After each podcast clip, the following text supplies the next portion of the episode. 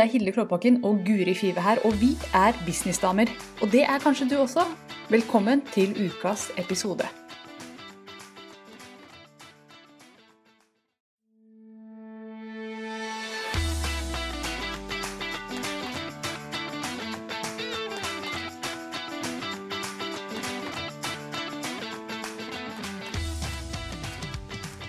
Yes, nå må, vi, nå må jeg skjerpe meg, ikke snakke om bare tull. Nå skal vi snakke om penger, Guri. Guri. Hva tenker du når jeg sier penger? Vil ha. Ja, det, det kan Vil vi alle ha. Det vil vi alle ha. Mm. Grunnen til at jeg tenkte vi skulle snakke om penger i dag, og prissetting, det er fordi at det er et kjempetema for oss gründere. Og det er Mm. faktisk en hengemyr uten like. Det er så mange som har problemer med penger. Eh, og det å skulle ta seg betalt spesielt, og sette prisene sine så høyt at det er verdt å være i business i det hele tatt, det er et problem hos mange. Eh, og ehm, jeg har jo jeg har til og med laget, ikke slides, men laget masse notater på det her i dag. Fordi dette er et kjempestort felt. Stort Mm. tema som det snakkes altfor lite om, syns jeg. Fordi vi, vi skal liksom bare kunne dette med penger. Det skal på en måte bare komme naturlig til oss. og det gjør de fleste. Og hvis man ser på penger for oss, for oss gründere, så er Mm. penger noe helt annet enn de som er ansatt hos noen. Fordi når du er ansatt hos noen, så er penger noe du bare får, ikke sant? Du Ja. på konto hver måned, og du slipper egentlig å stresse veldig mye med det. Du vet omtrent cirka hvor mye som kommer inn, og du vet når det kommer, og du vet hvor mye du har vært i timen. Ja. Som gründer så skal man finne på sine egne priser. Man må faktisk sette sine egne priser. Og da, vet du, da kommer det mye grums inn i bildet. Mm. Eh, og sant, da kommer absolutt alle våre demoner og sperrer og problemer og ting vi har tatt med oss fra barndommen. Alt mulig kommer inn der og roter til, eh, roter til vår evne til å sette en god pris på oss selv. Mm. Men er det det som eh, Hva er liksom hoved... Hva, hva begynner det med? Hva er, hva er hovedproblemet? Hovedproblemet Og det er så fint at du spør om akkurat det, for nå skal jeg fortelle deg. Skal vi se, skal se om det passer inn i eh, passer inn i notatene mine. Ja, få se. Eh, hovedproblemet skal jeg hoppe litt grann her, det er jo at vi, de fleste av oss, meg selv inkludert, har noen merkelige overbevisninger rundt dette med penger. Altså, Ok. Fordi Fra vi var bitte små, så skjønte vi hva penger var. Vi Mm. skjønte at det var noe man trengte, vi skjønte at dette var noe man, man skulle be om. Det var noe som på en måte man kunne bruke til å bytte til seg ting. Og vi skjønte liksom veldig fort at dette var noe, dette var noe spennende og stort og viktig. Sant? De, Mm. du har jo små barn, du vet jo hvor fort de skjønner at penger er Ja, ja, ja. Mm. Og de fleste av oss vil jo ha penger. De aller Mm. fleste, egentlig alle, tror jeg, hvis vi skal være ærlige. Men så er det ikke så veldig mange som vil innrømme det. Nei, nei, jeg har nok, jeg, det går fint. Ja, og så gründere sier ofte sånn derre Jeg gjør det ikke for pengenes skyld, men jeg har en sånn viktigere mål her i livet. Det er sånn jeg ofte Når jeg begynte å legge merke til gründerverden, så snakket ingen om penger, men alle snakket liksom at nei, jeg gjør det for å redde verden, eller gjøre verden til et bedre sted. Men så tenkte jeg alltid ja, men det er jo kjempebra, men du må betale regningene dine. Ja, går det ikke an å gjøre begge deler? Ja, er ikke det, er ikke det ok? Så det ble nesten litt sånn tabu. ja. Mm. Ja, der sier du det. Penger er tabu. Det har blitt tabu for oss fordi at det, vi av en eller annen grunn plukker opp at det er ikke greit å be om å få betalt for noe.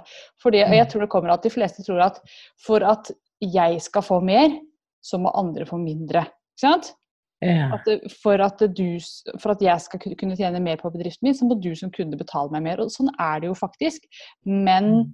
det betyr ikke nødvendigvis at kunden blir blakk av å handle hos deg. Det kan hende at kunden din faktisk får mer ut av det. Det er jo det som bør være målet også, at kunden sitter igjen med enda mer. Ja, ja. etter å ha jobbet med deg.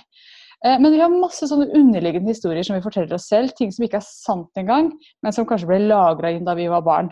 Liksom, jeg lærte i hvert fall fra mine foreldre eh, at penger det var noe det var lite av i verden. ja, hvis ja. man fikk penger ja, så det var, Dette var 80-tallet, det var kjempedyrt å bygge hus. Det var, ja, det var mye som skjedde da. Så jeg plukka opp fra jeg var liten at penger det var noe det var lite av. Og hvis Mm. man først fikk det, så skulle man ta veldig godt vare på det, og i hvert fall ikke bruke det på tull. Mm. Eh, og det veldig mye sånne små beskjeder som man får, som lagres inn. Men det gjør man jo ennå, dessverre. ja, ja. Jo, jo, men altså, jeg sier jo til barna mine hvis de vil ha en kjole, for Sunniva vil ha en kjole eller noe stort, så sier jeg nei, men det har jeg ikke råd til. Mm. kan jeg jo si.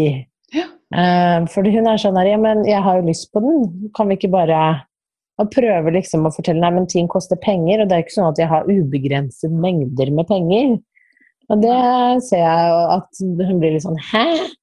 Og så går man i dialog og prøver nei, men mamma tjener penger, og så har jeg ikke så mye, jeg må fordele det på ting. Og da blir det jo litt sånn Mm, absolutt. det er viktig og verdifullt, og vi må passe på de type varianter. Ja. Ja. Og jeg skal ikke gå inn i noen barneoppdragelsegreier, jeg har ikke peiling. Men det jeg vet, er at veldig mange av oss fikk med oss en knapphetstankegang fra vi var små. Yeah. Mm. Eh, og den har vi gjerne med oss inn i gründerlivet også. Og vi lærte jo sånn at hvis søstera di fikk, eh, fikk eh, halvparten av pengene, så fikk du bare halvparten. ikke sant? Og vi lærte at hvis Ja. du får mer, så får den andre mindre. Og dele Ja. saft og sånn. Vi har alle drevet og helt over. ja, helt og helt. Ja, for å få det til å bli helt likt. Så vi har lært at når jeg får mer, får andre mindre. Og det tror jeg sitter hardt i ryggmargen til veldig Det mange. veldig godt poeng, altså. Og Mm. altså, vi vokste jo opp med, med dette her, og dette sitter i oss fortsatt. Og ofte, veldig mange har jo dessverre også opplevd at penger er lik uvennskap. Det har ikke jeg opplevd, men jeg har opplevd øh, hva skal jeg si, altså familiefeider, øh, krangel om arv, Mm. ting Altså det er så mye grums som kommer med penger. Men når man skal se på ok, hva er penger egentlig? Jo, penger er bare et byttemiddel. Mm. Det, det er helt nøytralt. Det, det er ikke verken bra eller dårlig. Pengene er ikke roten til alt ondt. Penger er Mm. bare en helt nøytral energi som vi gir masse mening til. Og veldig mange av oss har dessverre en negativ mening som vi gir penger. Så det er derfra det kommer, fra underliggende overbevisninger. Ja. Og så er vi også veldig sånn at vi, vi kan misunne folk som har mye penger, Mm, og tenke at de ikke er så snille, tror jeg. ja. Og så sier vi masse drit om de som har mye penger. Å, de rikfolka, altså. Og, Ja, sånne ting. mm, men da kommer det et stort problem den dagen du har lyst til å bli rik. For du har sagt så mye drit om de rike folka. Godt poeng. Mm. Ja, og det, dette her gjør vi jo alle, så vi får bare Eller alle, skal ikke snakke om alle, men det er veldig vanlig å si at å, de rikfolka altså bare kjører på og asfalterer sine egne veier og bla, bla. Mm. det er asfaltveien! Ja, ja. Så går det utover de som ikke har så mye penger, og det er penger Ja. som rår, og du har hørt alt dette her. Man, man- Ja, ja, ja. Mm. Og de fleste av oss har ikke tenkt over hvor mye sånn grums vi har lagra inn, før vi står der og skal prissette oss selv og ta betalt for det vi skal gjøre.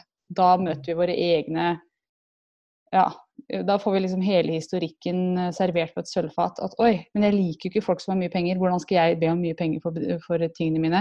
Hvordan skal jeg kunne sette det jeg kaller premiumpriser? Snakker mye om det. Mm. Eh, og, og det kommer masse vanskeligheter i forbindelse med det. Det du da må gjøre, mm Mhm. løsningen på dette her, yeah. det er jo Ja, for det går an å løse det. Mm. Og måten du gjør det på, det er jo å finne de underliggende overbevisningene. Hva er det egentlig som ligger under her og skaper trøbbel? Dette her er liksom Jeg liker eh, sammenligningen med Eller den er ganske grotesk, men det var en dame jeg så på en, en TED-talk en gang, som fortalte at hun hadde vært i en sånn basehoppulykke. Dette, er- dette er helt urelatert, men dere skjønner det snart. Vært i en basehoppulykke og fått noe jord inn i benet som disse som skulle redde henne, ikke fikk med seg at var inni benet. Så de sydde igjen benet, og det ble bare verre og verre, den infeksjonen. Og de bare å shit, vi skjønner ikke hva som skjer. Og rett før de måtte amputere benet, så fant de dette grumset og fikk det ut. Og sånn er det med det, med det overbevisningene våre også. Det ligger der og verker. Det ligger der og skaper masse trøbbel, og vi vet ofte ikke at det er der engang. Så det første steget det er å begynne å se på hva er det egentlig jeg tror om penger. Og det er sånn aha-opplevelse å begynne å virkelig liksom se på mitt forhold til penger. Hva lærte jeg fra jeg var liten? Hva sa pappa om penger? Hva sa Mm. mamma om penger? Hva sa besteforeldrene mine om penger? Hva, hva er det jeg har tatt med meg? Ja. når vi er små, så går jo ting rett inn. Det er ikke noe Mm. filter. fordi at det, det de voksne sier, er jo sannheten. ikke sant? Vi har jo ikke noe filter, så hvis, hvis eh, vi hører mamma si at penger er roten til alt ondt, ja, da tror vi på det. For mamma vet alt, og hun kan alt, og hun er den som har alle svarene. Mm. Og spesielt hvis vi ser noen veldig sånn emosjonelle scener rundt penger, at noen krangler om penger f.eks. Hvis mamma og pappa krangler om penger, da kan du være temmelig sikker på at du kommer til å få litt trøbbel med det senere selv hvis du er Ja, for du er liten, du har ikke noe filter, du tar inn alt. Mm. Penger er lik krangel og forferdelighet. Ja. Eh, og i ytterste fall, altså Ja, unge tror jo at når mamma og pappa krangler, da er livet over, ikke sant. Mm. Jeg husker jo hvor fælt det var selv. Jeg vet ikke at de krangla så mye, men jeg likte ikke hvis de ikke var helt enige. Nei, nei, nei. Og Ok, så det handler om å finne ut uh, hva slags forhold man selv har til penger. Men noen ganger, noen ganger så tenker jeg, handler det ikke litt om hva slags verdi man putter på seg selv òg? At man kobler penger og verdi litt sånn sammen? At de er ikke verdt det? Men det er kanskje noe Absolutt. annet? Absolutt. Vi kommer eh, helt klart dit. Men det poenget jeg har lyst til å lage, gjøre først Jeg skal definitivt komme tilbake til dette med prissetting og hvordan vi ser på oss selv, og hvor verdifulle vi ser på oss selv. Men eh, disse her falske overbevisningene som vi går rundt med og kanskje ikke vet at vi har engang, de må vi identifisere og begynne å spørre er det egentlig sant. Er det egentlig sånn? Og i veldig mange tilfeller så er det jo ikke sant i det hele tatt. Og det vi da må gjøre, det er å altså, Vi må se på de overbevisningene våre som en muskel som må trenes opp. Sant? Mm. Jeg har et flimsy, dårlig, svakt forhold til penger, ok, det må jeg trene opp. Og hvordan du gjør det, det er jo via uh, det som uh, Jen Sincero, som er en av de som snakker best om penger i hele verden, Mm. kaller den det, men, det spirituelle gymmet, kaller hun det. Og det handler om at du må ta den muskelen som er svak, altså den overbevisningen din, og Mm. trene den opp til å bli sterkere. Og det er via meditasjoner, affirmasjoner og tankeøvelser for å styrke den overbevisningen. Og du må holde på en stund. Det er jo som å gå til et vanlig treningssenter. altså at du, Den muskelen den tar en stund å trene opp. Men det er så innmari verdt det. Det er så verdt det. Og jeg har aldri vært sånn Jeg har ikke vært noe på affirmasjoner og sånn, syns det er kjempeteit. Men jeg har sagt det siste. Altså, affirmasjoner har vært det dummeste jeg har hørt om. Så skal du gå rundt og si til deg selv, ikke sant. Det er sånn du sier til deg selv. Jeg, jeg er en pengemagnet. Mm. Men vet dere hva? Det virker. det hjelper. og det er litt sånn Å, jeg har til å innrømme det, men sånn er det faktisk. At det, det hjelper. Men da må man si det som i hvert fall halvveis tror på. Sånt. Men hvordan, hvordan, må skjønne, hvordan gjør man det? Hvordan har du et eksempel på hvordan man kan ta en sånn overbevisning og så bruke det? Ja, la oss nå si at um, du har en overbevisning om at det er veldig At du ikke har råd til ting. Sant? Det har jeg ikke råd til. Det har jeg ikke råd til. Det har jeg ikke råd til. Det sier vi jo hele tida. Mm. Da kan du heller si, bytte ut den overbevisningen med at penger kommer til meg uten motstand. Penger kommer til meg hele tida. Ok, ja. Og- Mm. Og det, i begynnelsen så vil du ikke tro på det, men du, det kommer jo litt penger inn, så det er jo en viss sannhet i det. Så da må du på en måte Mm. ta tak i den lille sannheten, tviholde på den. Og jo mer du sier det her til deg selv, jo flere bevis vil hjernen din begynne å finne. Dette er hjerneforskning, det er ikke noe stort og det, det er ikke noe Jeg er ikke så veldig på loven om tiltrekning. Dette er at hjernen din prøver å finne bevis for at det er sant. Ja. Og du begynner å legge merke til at å ja, men der kom det jo litt penger inn, og der fant jeg en femmer, og ikke sant. Og så etter hvert så vil dette her begynne å balle på seg. Så vil den affirmasjonen om at penger kommer til meg hele tida, den Mm. blir mer og mer sann for deg. Og over tid så vil dette her nå altså, Nå styrker du muskelen. Så den derre 'jeg har ikke råd'-muskelen, den vil bli mye sterkere og vil forvandles til en 'penger kommer til meg hele tida'-muskel. Ja. Og det er ikke noe magi over det her. Dette her er rett og slett at hjernen din begynner å se et bevis på at det er sant. Og når du begynner å tenke sant, Når du har snudd på de overbevisningene, da kan du begynne å sette høyere pris på deg selv også, fordi at du har et bedre forhold til penger. Rett og slett. Gir dette mening i det hele tatt, Guri? Ja, jeg skjønner, jeg skjønner det. Jeg skjønner hvordan man kan snu, eh, snu det. Mm. Eller jeg skjønner at man kanskje Man gjør det ikke med en gang, men man må jobbe litt med det. Det må jobbes Men, eh, ganske mye med. ja. Mm. For det er litt sånn eh, Jeg og mannen min kan diskutere. Ikke sant? Ja, skal vi gjøre, gjøre noe, dra på en tur, eller det, Nei, det koster litt mye penger. Eh, og da kan man gå i den der Nei, vi har ikke råd, vi skal betale ditt og datt. Og så, da, da pleier jeg ofte å si sånn Men det ordner seg. Mm. Vi finner alltid en måte å løse dette på hvis vi vil det. Mm. Det handler kanskje litt om. Og det gjør det jo alltid. Det ordner seg alltid. Ja, ikke sant? Det gjør Da begynner jeg å se etter løsninger, så det er kanskje litt den samme Mm, Det er absolutt. ikke at det magisk faller ned, men det handler vel om at jeg tenker dette skal vi få til. Ja, I stedet for å gå i den derre 'dette går ikke' Ja. boksen og legge seg og grine, Så er det, for da har jo du tydeligvis en overbevisning om at dette ordner seg. Det har alltid ordnet seg før, det ordner seg nå også. Da har du Mm. innstillingen. Jo mer du jobber med den 'dette ordner seg'-løsningen jo, vil, altså, jo bedre vil ditt forhold bli til penger. Mm. Og jo bedre forholdet ditt blir til penger, jo lettere er det å be om penger fra kunder. Det, det henger helt sammen. Ja. Mm. Så eh, ja, så sånn er det. og hvis, vil, altså hvis noen tenker Hilde, hvor har du fått alt dette her fra, så les boka til Jensen Sherrow som heter du er, 'You're a badass at making money'. Jeg har bestilt den. Du har bestilt den. Du kommer til å elske den. Jeg gleder meg. Ja. Og den er også sinnssykt bra på, på lydbok, forresten. Ja. Lydboka, ah, nei, de, de, må leses, de må leses og høres og spises. Jeg skal spise den boka. ja, men det er virkelig mye bra der, altså. ja, så Så, bra. Gleder meg. Det er helt superbra innhold. Men skal vi gå litt over på prissetting? For nå har vi snakket Ja. litt om, om dette forholdet til penger. Og har ikke peiling på hvor lenge jeg har snakka. Nei, det går fint. Det er spennende. Ja, så bra. Fordi nå er det tydeligvis jeg som har ordet i dag. Så Ja, men det er deilig. Ja, så bra. Men prissetting eh, Nå kan hende noen kommer til å hate meg og kaste egg på PC-en sin. Men men helt, helt ærlig, damer, dere som hører på.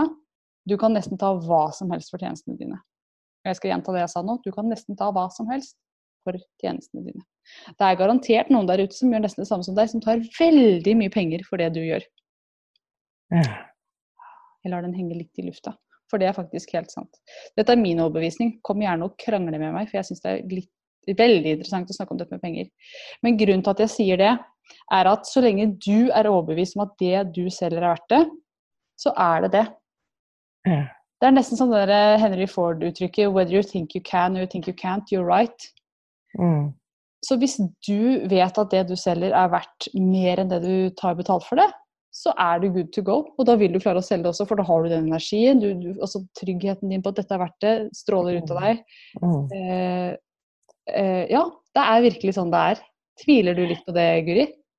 Eh, jeg, jeg, eh, jeg bare tviler kanskje mer på hvordan man kommer dit for å få eh, Jeg tror nok man kan ta seg eh, ja, ok, jeg tror man kan ta seg, Ja, man kan ta seg godt betalt. Jeg tror også det er et tak fordi at uh, det er jo mange konkurrenter, kanskje, som folk vil sammenligne med.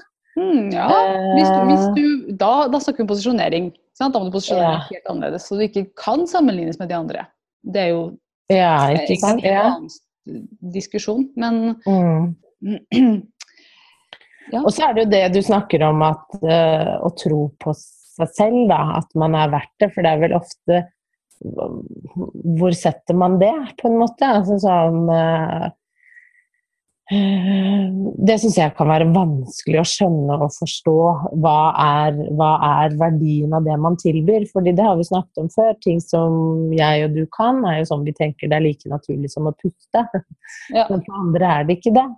Når det er så naturlig, Mm. så er det vanskelig å sette en pris på det fordi at eh, det oppleves så enkelt. Mm. Og da, sant, da går vi ut og så ser vi på markedet. Ok, hva er det andre tar for det her? Jo, de Ja. Tar 299 kroner tar de for det. Ja. Det var den prisen jeg kom på nå. Eh, millioner, eller et eller annet sted imellom der.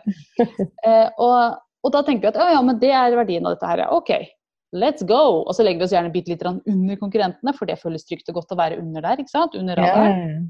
Og så har vi det gående med en sånn downward spiral hvor alle prøver å være billigere enn de andre. Jeg syns Ja. det er en kjempedårlig idé å begynne der. Men altså, du kan godt begynne der, forresten. Det er helt greit. Men det som er viktig, er å faktisk levere så godt at du ser Mm. at dette er jo dette er verdt mer enn det jeg tok til den kunden. Ok, da tar jeg litt mer på neste. Det er fortsatt verdt mer. Ok, Da kan man trappe opp prisene sine. Ja, ikke sant. Og på den måten så kan man altså Jeg tror man kan gå så høyt man vil, for det er alltid noen der ute som er villig til å betale for det dyreste og det beste. Ja. Jeg, jeg sier ikke at det nødvendigvis er noe mål i seg selv å være den dyreste og den beste, men hvis man vil det, så tror jeg det er ganske uendelige muligheter for det.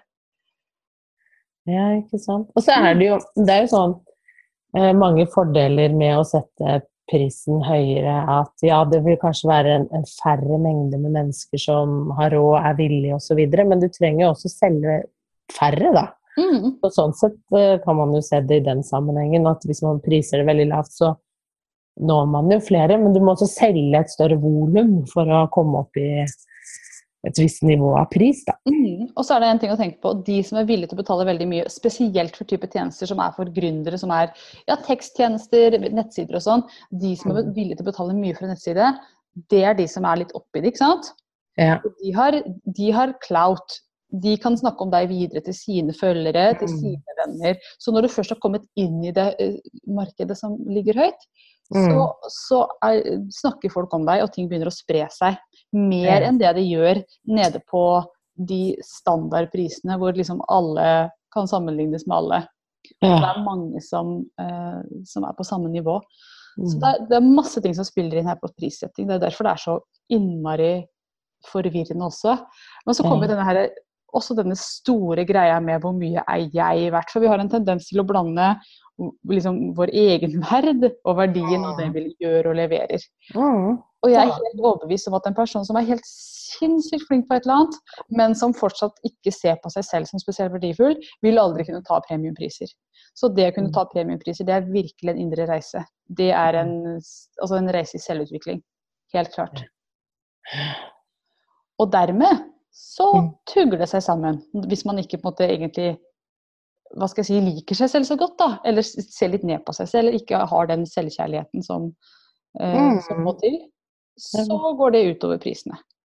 Og utover måten man snakker om seg selv på, og utover branding og alt. Mm. Så, så ja. og derfor sier vi at det å starte en egen bedrift det er den største selvutviklingsreisa eller selvutviklingsreisen du noen gang kommer til å komme ut på. Men skal man, hva skal man gjøre når man sitter der med et produkt, da? Så, så går man ut, og så, tenker, så ser man jo på konkurrentene. Mm. Uh, man gjør alle de tingene man kanskje ikke bør gjøre. Men, men hva, bør, hva skal man gjøre? Hva er liksom den riktige måten å, sette en god pris? Altså, jeg skulle ønske jeg sa at dette er steg én, dette er steg to, akkurat sånn gjør det. Men sant, her er det følelser inne i bildet, og følelser er forskjellige hos alle. Men det jeg vil anbefale deg, det er å sette prisen så høyt at det er litt ubehagelig, du syns det er litt skummelt, men det er fortsatt innenfor det. Jeg vet at dette er verdt det. Ja. At du er der at dette er, dette er en stretch. Jeg kjenner at dette er det er litt vondt å gjøre det. Det er litt skummelt. Litt sånn, «Ik, Vil noen virkelig betale det? Men jeg vet det er verdt det. ja. Og du vil bli overrasket. Plutselig så er det en kunde som sier ja, men da kjører vi det. Og så kan du trappe det opp litt neste gang. For da vet du at å, hun kjøpte, da kan jeg sette opp prisen litt. grann. Men hele tiden være i ytterkanten av komfortsonen din, ikke utenfor. For i det øyeblikket du kommer ut av komfortsonen, så forsvinner, da forsvinner tryggheten i stemmen din. Da er det Mm. vanskelig å um, kommunisere at jeg vet at dette er verdt det. Ja. Da vil Mm. det komme inn sant, en touch av tvil. Og jeg vet ikke Mm. hvor sant, Det er ikke alltid man klarer å sette fingeren på det, men det er, jeg ser at du tviler. ja. Kunden din kan se det. det, det jeg vet ikke hva det er, men, men ja. Så du må være innenfor din egen liksom, Jeg vet det er verdt det. Jeg kjenner på Mm. meg at dette her er eh, litt skummelt, men jeg gjør det likevel. Mm. Og på den måten så kan man få prisene opp, i hvert fall til et, til et nivå hvor det er levedyktig. Og det er Mm. faktisk. For det er mange som legger seg, altså legger seg så lavt at det er ikke snakk om at du kan drive en bedrift og betale skatt og betale for uh, programmer og eh, husleie hvis du har det og alle de tingene, Mm. og fremdeles ta ut en OK lønn ut fra den bedriften din. Det er ikke Mm. snakk om det. Så i hvert fall komme opp på et sted hvor du kan, hvor det er levedyktig og man har litt profitt som blir stående i firmaet. Må man også ha, uten å bli Mm. ja. Men man, hva, hva skal man gjøre hvis man sliter litt med å komme dit, da? At man henger kanskje igjen litt i den Nei, det, ja, det er jo ikke verdt Det kan da ikke være verdt det, liksom. Da ville jeg vurdert uh, bedriften min. Ja. Er dette verdt å drive med? Hvis du Mm. ikke klarer å tro på ditt eget produkt nok til å ta betalt så mye som det er verdt, og nok til at du kan leve av det, Mm.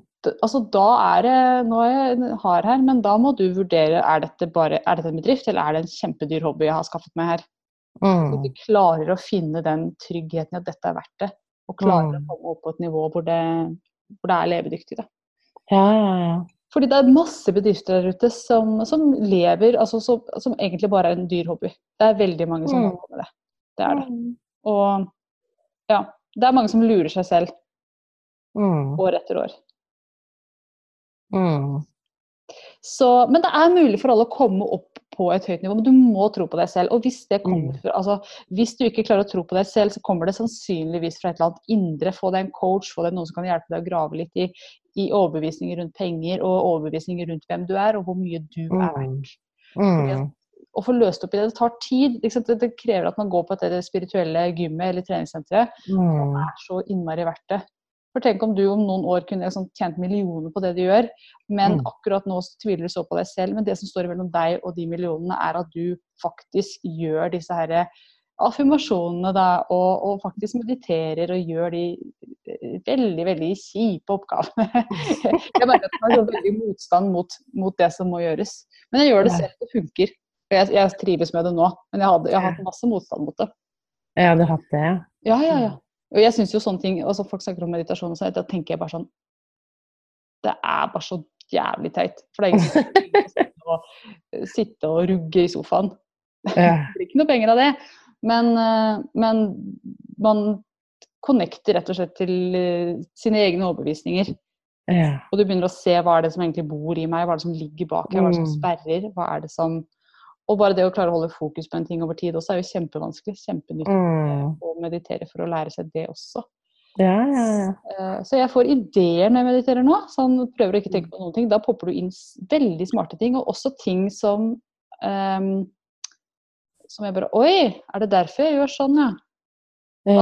At man får på en måte sånn beskjeder fra, ikke, fra universet, eller jeg, jeg tror det kommer fra min egen hjerne. Jeg liker jo å tenke det. Mm. Jeg vet ikke hvor det kommer fra. Men, men nye oppdagelser om at Oi, tror jeg det om penger, ja? Det må jeg jobbe med. Her må jeg gå i dybden og se på hva er dette er egentlig. Ja. Yes, her må jeg inn til beinet og grave ut den jorda, så jeg slipper å amputere. Ja, Grav den ut. Mm. Yes. Oh, ja, ja, nei, men det er eh, Det er spennende fagområde, da, men jeg kan jo skjønne at det er eh, utfordrende for folk å, jobbe med det. Når, spesielt sånn som snakket om at hvis man, man begynner med en tanke om at man vil hjelpe og redde og, og verden, Mm. Um, men så må man uh, pokker meg ta seg betalt for det samtidig også, så føles det kanskje litt sånn motsetningsfølelse, da. Det gjør det nok sikkert. Og så tenker jeg at, at tenker at ja, men ok, jeg kan ikke hjelpe noen hvis jeg blir blakk. Og en vanlig jobb. Da har jeg ikke tid til å hjelpe noen. Mm. Så man, man må faktisk styre egne tanker. Du må bestemme deg for hva du ønsker å tenke om ting.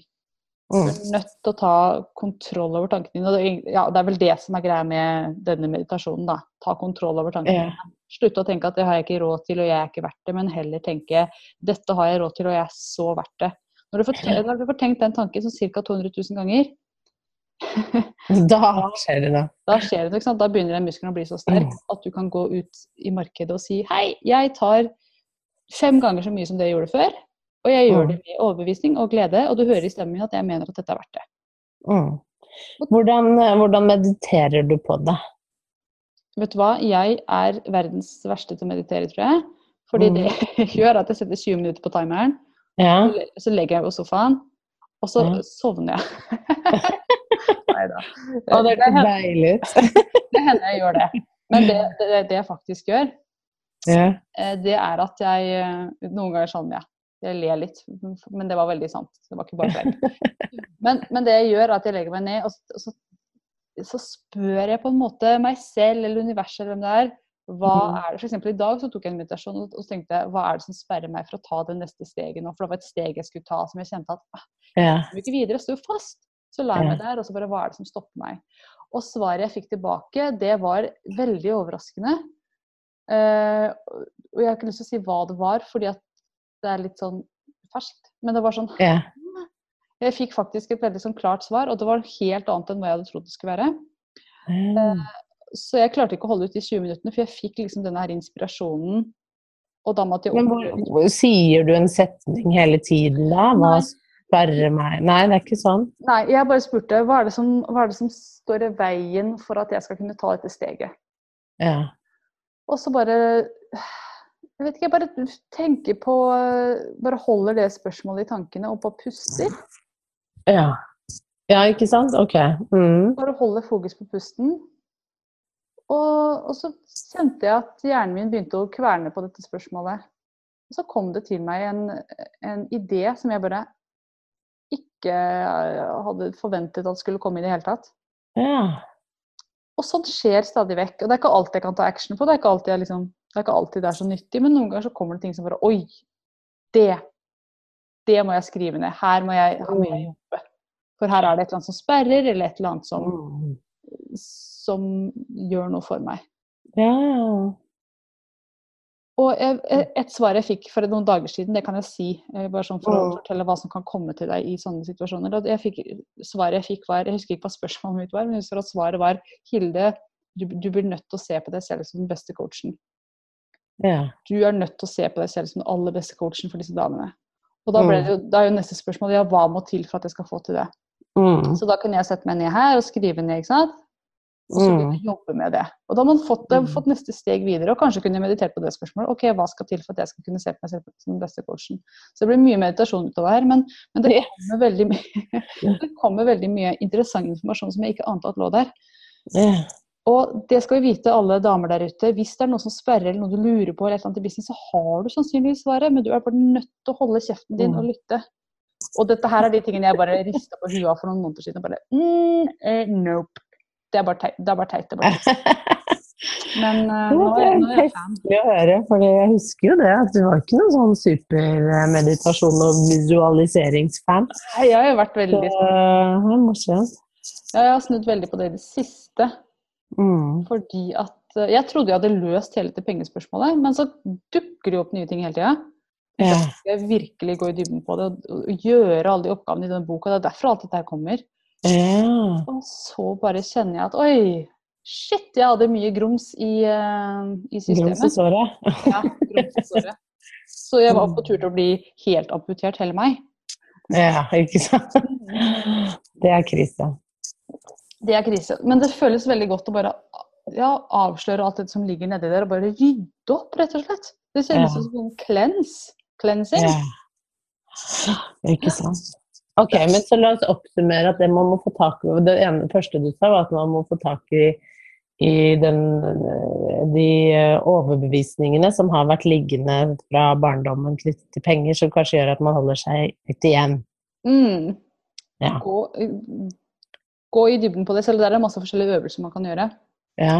Finne ut ok, hva er det jeg tror om penger, hva er det jeg har lært om penger, Mm. hva er det jeg har med meg av bagasje om penger og verdi. Mm. Og, og sedler og mynter og alt dette her, hva er det det betyr for meg, og hva er det jeg, Mm. hva er det jeg har med meg, rett og slett, som ligger og Mm. sperrer. Så må du stille spørsmålet er dette riktig, og som regel så er det bare tull. Det var noe du lærte da du var liten.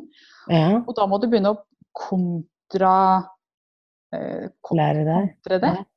Kontralære det. Ok, Så, så hvis, hvis det faktisk er sånn at penger er overalt, da. For hvis man ser seg rundt, det er penger overalt. Det er penger i den telefonen her, og i det headsetet her, og i eh, Mm. den pennen her. Alt er penger. Det er penger overalt rundt oss. Og hvis vi har en Mm. overbevisning om at penger er kjempevanskelig å få tak i, så stemmer jo ikke den. Så da må vi begynne å tenke ok, penger er overalt, penger er overalt, penger er overalt. Begynne Mm. å se etter penger, spor etter penger. Oi, der Mm. kasta jeg en tre kroner, kan du tenke når du Mm. kaster en gammel, eh, gammel løk, ikke sant? Mm. Mm. Eh, og tenke at jeg har jo penger, jeg kaster dem til og Mm. med. Og så begynner man å finne bevis på at det man trodde før, ikke lenger stemmer. Og på den Mm. måten skal man rydde opp i alle disse gamle overbevisningene og Mm. komme til et punkt hvor penger er noe som er positivt, i stedet for noe som er negativt. Og Mm. når du har et godt forhold til penger, kommet dit, da, kan du, da vil du se at det vil smitte over på din evne til å sette pris på deg selv også. Og sette priser ut til kundene. Mm. Mm. Så Yes. Vi må inn for å kunne gå ut. Inn for å gå ut. Ja. Og når man har gjort det, så skal man, og man begynner å sette priser, så skal man sette priser hvor man er litt ukomfortabelt, men at det er fremdeles verdt Produktet er verdt det. Ja. Ja. Det vil jeg absolutt si. At, sett Og sett høyt. Ja, så høyt som du overhodet klarer uten å bli Ja. helt nervevrak. At stemmen din eh, lyser lang vei at dette tror jeg ikke er verdt det. Du må Mm. at det er verdt det. Og hvis du ikke klarer å tro på at produktet ditt er verdt mye, eller nok til å leve av, Mm. en god pris, da, Mm. Her er det jo masse forskjellige bedrifter, eh, ikke sant? men Ja, du må kunne tro på det. Hvis du ikke klarer å tro på det, uansett hvor mye du går i dybden i deg selv og jobber med deg selv, så Mm. business, for da er ikke det du holder på med, levedyktig. Nei. Mm. Så eh, brutal skal jeg være. Ja. F.eks. de som strikker. Ikke sant? Ja. Hvor lang tid bruker du å å strikke en sokk? Jo, du, du, lang tid. Jeg har ikke peiling på strikking. Det var veldig dårlig Få høre, Hilde. Hvor lang tid bruker du? Jeg ville brukt syv-åtte år, tenker jeg, på én sokk. Men, men, ikke sant? Og du skal strikke veldig fort og være veldig effektiv for å kunne selge den sokken til en pris som markedet er villig til å betale. Hvis du ikke har en strikkemaskin eller et eller annet. Mm. Så det, det er kanskje ikke en levedyktig business, men kanskje hvis du klarer å få solgt inn strikkedesigner til en, eh, til en kjede eller et eller annet, da begynner man å snakke om noe. Da kan man masseprodusere det og gjøre det på andre måter. Mm. Eller at du eh, skaper et sånn kjempekult brand rundt strikkesokkene dine, så de kan selges for en veldig høy pris. Da plutselig er det verdt det. Men du må tenke annerledes. Og hvis du ikke Mm. klarer å, klarer å komme til en pris som er god, som gjør at du tjener penger på det du gjør, ja, Mm. da må du lære deg noe annet. Mm. Ja, men det var egentlig et veldig fint eksempel, for det er jo Man har jo bare ikke sant? Hvis man tar stakkars alle de, de, Hvis det er noen som hører på nå som har sånn kjempestrikkedrøm her og skal leve av det, men hvis du har eh, Du har jo bare et visst antall timer, og du klarer jo bare å produsere så og så mye når du gjør det selv. Mm. Ehm, så hvis hver, hvert sokkepar skal koste 40 kroner, Mm. så, så sier jo det seg selv at vi vil ikke gå rundt. Nei, da har du jo brukt mer garn, eller penger for mer garn. Ikke sant? Så da Så da er man jo litt avhengig av at man får opp at det er eh, For det første at man har såpass mye tro på at de sokkene ja, men dette er bra kvalitet, og dette har jeg sittet og lagd, og jeg er stolt av det, og mønsteret er spesielt, og jeg har brukt den type lokal ull og ikke sant. Ja, og de er magiske. Ja, ikke sant. Sånn at du kan ta en Det er jo en grunn til at noen av eh, de eh, designbyråene, altså klesmerkene, plutselig koster det 10 000 for et skjerf, liksom. Og, og Mm. de, de selger jo. Ja. Eh, eller vesker, eller Ja. Mm. ja. De henvender seg til et luksusmarked. Det er alltid noen som er villig til å betale. Hvis du Ja. på ditt eget eh, produkt, så skal jeg vedde på at du får solgt det. Hvis du klarer å selge, snakke om det med trygghet og entusiasme, og du vet at du oser gjennom stemmen at 'dette vet jeg er verdt det', for sokkene Mm. er magiske. Mm. Tekstene jeg skriver tiltrekker så mange kunder at du kommer til å tjene inn på Mm. kort tid. Sant? Mm. Da, da er det verdt det, da. Men du må tro på det selv. Mm. Så det, er en, eh, så det er masse selvutvikling i prissetting, og det er derfor det er så spennende, og det er derfor det også er så mye trøbbel med det. Ja, ja, ja. Mm. For det henger jo veldig tett sammen. Ikke bare om man har tro på produktet, men også om man har tro på seg selv. Ja. eh, egen, alt det vi snakket om, liksom, når man tror at man er verdt eh, nok. Mm. Nei, så mye, mange lag her, altså. Det er mange lag og mye som kan tvinne seg i hverandre, så her gjelder det Mm. opp innenfra hva er det jeg tror om penger, og hva er det jeg tror om ja, byen der. Mm. For det vil, da kan man begynne å nøste opp og rydde opp i det her. Men en ting som jeg pleier å spørre, stille spørsmål til kundene mine som tviler på Når vi snakker om prissetting, så stiller jeg alltid spørsmålet Du, Turi. Hun heter Turi, hun jeg snakker til. Ja. I dag er det Turi. Vanligvis er det Tina som er eksempelet. I dag er det Turi. Men jeg spør du, Turi, hvis en annen dame hadde laget akkurat dette produktet som du sitter med nå, switch ut deg selv med en annen dame, en dame du beundrer, som du ser opp til, som du syns er kjempekul, hadde det Mm. vært verdt det da? Og hvis hun da sier ja, det hadde det Ja. definitivt vært, så da er det egenverden hennes det er snakk om. Det er ikke produktet i det Ja. hele tatt. Bare du og hvordan du ser på deg selv og din identitet som er problemet. Da er det der vi skal jobbe. Da er det ikke på å putte inn mer verdi i produktet eller kna det om. Da er det du som må knase om, Turi. Mm. Ja, men det var et veldig godt poeng, da. Mm. Ja. Og veldig Det ofte var så fint eh, tips å tenke, sette noen andre inn i det. Det var lurt. Mm. Og det kan være veldig vanskelig å tenke sånn selv, men få en coach til å hjelpe deg med det, og få den, dette objektive Mm. Ja, for det er Veldig ofte så sier de ja, det hadde vært veldig verdt det hvis det var noen andre som hadde gjort det. Mm. Ok, Så det er deg selv du tviler på, ikke produktet i seg Mm. selv. Ja, Mm. det er vel kanskje det, da.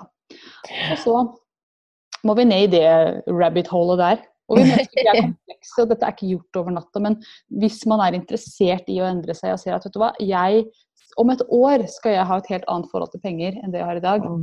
Begynne i dag. Og så vil du se at Mm. ting endrer seg litt og litt og litt. Mm. Og det er veldig motiverende når man ser at oi, det jeg syntes var kjempemye for et halvt år siden, nå ber jeg om det stadig vekk til kunder, og nå får jeg det også fordi jeg har den overbevisningen i stemmen. Ja. Jeg ser at ting har skjedd. Så det er veldig, ja, det er kult. veldig motiverende, veldig gøy å jobbe med seg selv på den måten også. Mm. Ja, det skjønner jeg. Ja, helt klart. Mm. Det er spennende. Penger. Mm. Penger, dere. Så vi kan jo begynne å oppsummere litt, for jeg aner ikke hvor lenge vi holdt på, men sikkert litt for lenge, som alltid. Men, men ja, oppsummeringen er sliter du med penger, gå i deg selv, hva er det du tror om det? Begynn der. For det er Mm. sannsynligvis der nøkkelen ligger. Og så er det sikkert mange som sier nei, hei, jeg har ingen begrensende overbevisninger overfor penger, for det trodde jeg at jeg ikke hadde også. Og var ganske dårlig, forståelig, men så begynte jeg å eh, ja, rote litt i det, og så ser jeg at her var det mye å ta tak i. Fortsatt. Og jeg har snakket om dette i flere år. Jeg har vært på denne reisa lenge. Ja. Men det er jo så verdt det. Ja. Definitivt. Jeg, jeg kjenner nå at jeg er på liksom, hodet over vannet på et helt annet sted enn jeg var før. Så det er eh, ja, så bra. kult. Så dette, det, dette her blir eh, jeg, jeg kommer til å bli rik på det her, altså. Hvis det fortsetter sånn. Det er jeg. Og det gjelder alle. For det sitter i hodet. Ja, det er kult. Det er bra du er eh,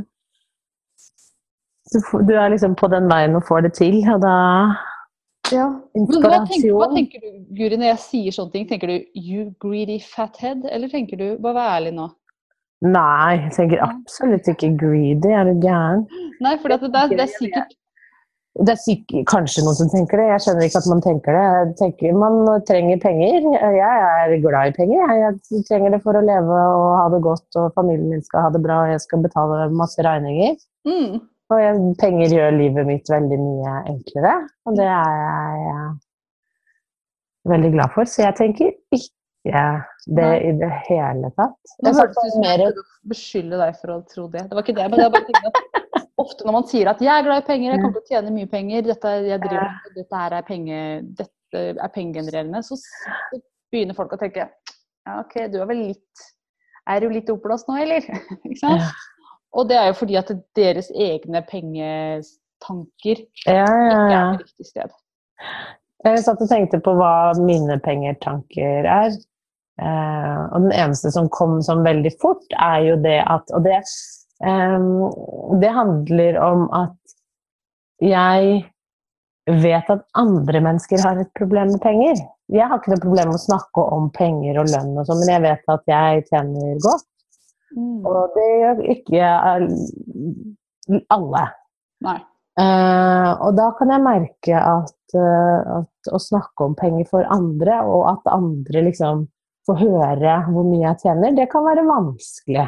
Mm. Så du modererer deg når du snakker om penger, fordi at du tenker at andre Ja, jeg, ja, jeg gjør jo kanskje det, ikke sant? fordi at eh, det er så mye, sånn som vi snakket om, mye tabu knyttet til det.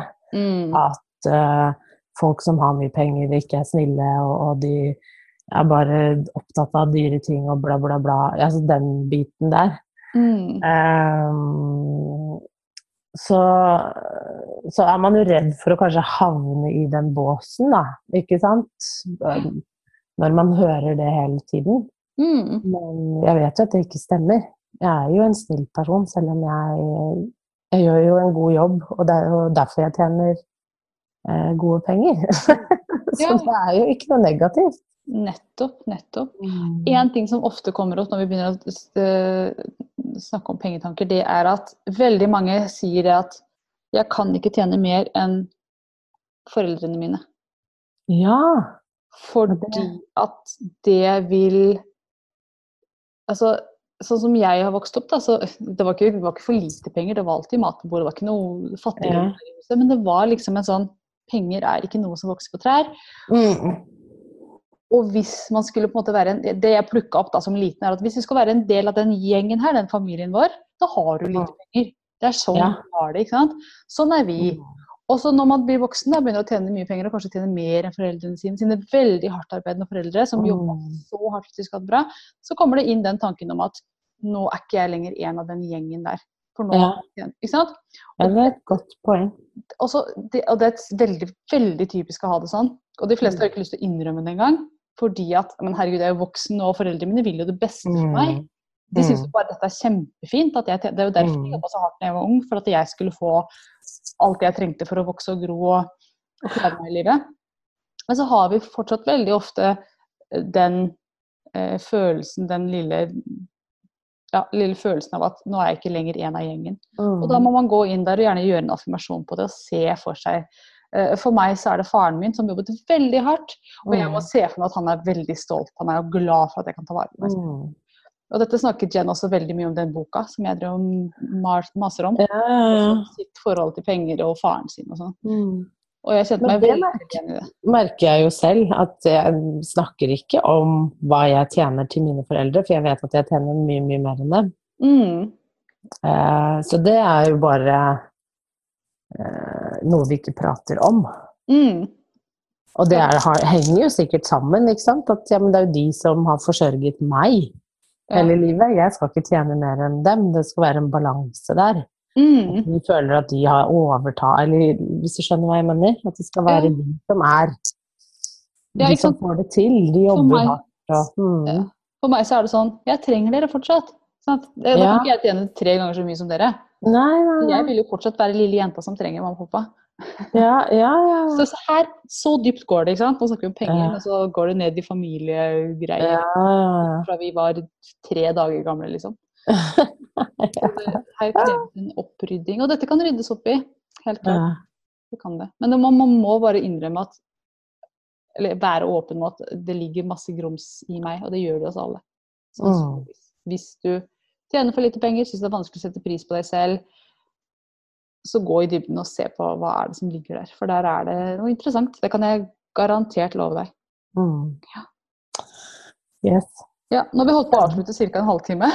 Ja, vi surrer alt. Det blir sånne psykologtimer for oss, det her. Ja, det gjør det. det, gjør det. Men jeg syns det er kjempespennende. Jeg håper de som har hørt på også har Ja, aha, fått inspirasjon til å gå litt i seg selv. Mm. Så da kan vi jo avslutte her. Kan vi ikke gjøre det? Det kan vi gjøre. Ja, takk for praten, Guri. Vi snakkes neste mandag. Da er det nytt tema. Vet ikke hva det blir, for vi tar litt. Vi Ja. Ha det! Ha det.